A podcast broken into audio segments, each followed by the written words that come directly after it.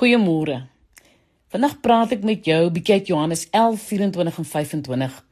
Wat sê ek is die opstanding en die lewe, wie in my glo, sal lewe al het hy ook gesterwe.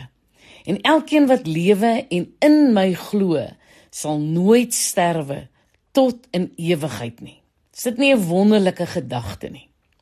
Het jy geweet dat Johannes 14 vers 1 tot ag wat ek nou met jou wil deel, Het jy geweet dat dit eintlik Jesus se eie begrafnisrede was? Jesus praat met ons hier oor sy eie dood. Die disippels het nie geweet dat hierdie in wese sy afskeidstoespraak was nie. En eintlik het niemand dit geweet nie. Jesus het geweet dat sy dood die volgende oggend op hom wag.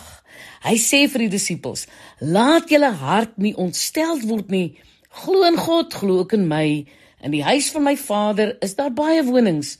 As dit nie so was nie, sou ek dit vir julle gesê het.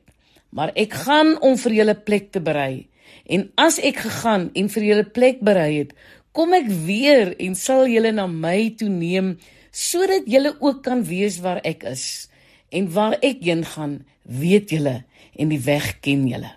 Nou wat wil Jesus hier vir ons sê? Hy sê vir ons Vertrou my met julle dood. Wanneer jy voor die graf te staan kom, vertrou my net. 'n Mens kry hier die indruk dat die graf vir Jesus eintlik geen probleem is nie. Kom ek probeer dit eenvoudig verduidelik. 'n Kind raak ongemaklik op die vloer of bank in die slaap. Dan kyk dit gebeur daagliks dat een van ons kinders of kleinkinders sommer so op die vloer of ongemaklik op 'n bank aan die slaap raak. En wanneer dit gebeur, tel die ouer hulle gewoonlik op en gaan sit hulle in die bed daar waar dit warm en lekker gemaklik is. Die kind weet nie eens daarvan nie. Somstyds word hulle so effens wakker en proteseer, maar ons neem hulle bed toe, want ons weet op daardie oomblik van beter waar dit vir hulle die beste is. Doen God nie met ons maar net dieselfde wanneer dit ons tyd is om te sterf nie. Dra hy nie ook maar net vir ons na die plek van rus wat hy vir ons bestem het omdat hy meer weet as ons nie. Vir God is die dood nooit 'n tragedie nie. Vir God is die einde van 'n lewe eerder die begin van 'n nuwe lewe. Wanneer 'n kind so ongemaklik aan die slaap raak en ons dra hom of haar bed toe, het jy al gehoor dat iemand sê: "Ag nee, moenie haar vat nie." Ons sal hom mis. Hou haar asseblief hier dat ons almal saam kan wees. Maar as dit wel gebeur, hoe sal ons antwoord? Nee, sy sal soveel beter rus en lekkerder slaap in haar eie bed, in haar eie kamer wat net haar kamer is. En buitendien, jy kan net nou vir haar gaan nag sê. Met ander woorde, deur ons na sy huis te roep, doen hy wat enige pa sal doen.